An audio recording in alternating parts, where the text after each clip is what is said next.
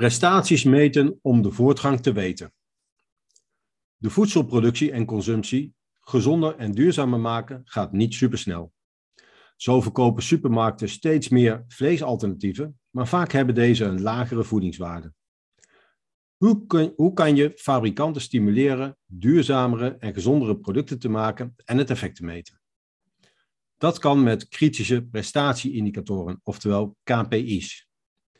Een KPI toont de prestatie op een bepaald doel of subdoel. Bijvoorbeeld een gezonder voedselaanbod met als subdoelen een gezondere samenstelling van producten per productgroep, zoals brood of sauzen, een groot percentage producten binnen een productgroep dat voldoet aan voedingskundige eisen, zoals maximale zout- of suikergehaltes, of een groter aanbod van producten uit de schijf van 5.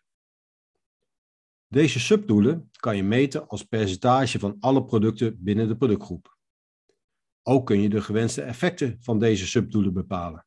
Dit kan via KPI's, zoals het percentage verkochte producten uit de schijf van 5 of de totale hoeveelheid zout in verkochte producten.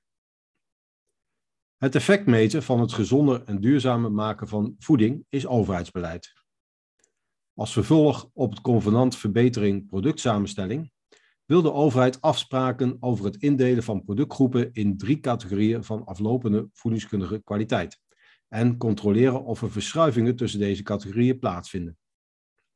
Ook is het effect van de voorgestelde suikerbelasting en de btw-verlaging op groente en fruit te meten. Een systeem van meten en weten op basis van KPI's is belangrijk voor gezondere en duurzamere voeding inclusief KPS om kindermarketing en de promotie van minder gezonde producten te reguleren. Een objectieve beoordeling van de resultaten door het RIVM of de WEUR is noodzakelijk om elke twijfel in de kiem te smoren.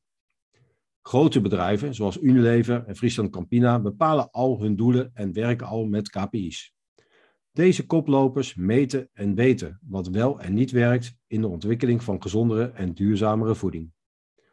Voor een gezonde Nederland is het hoogste tijd dat die koplopers snel opgevolgd worden door de rest.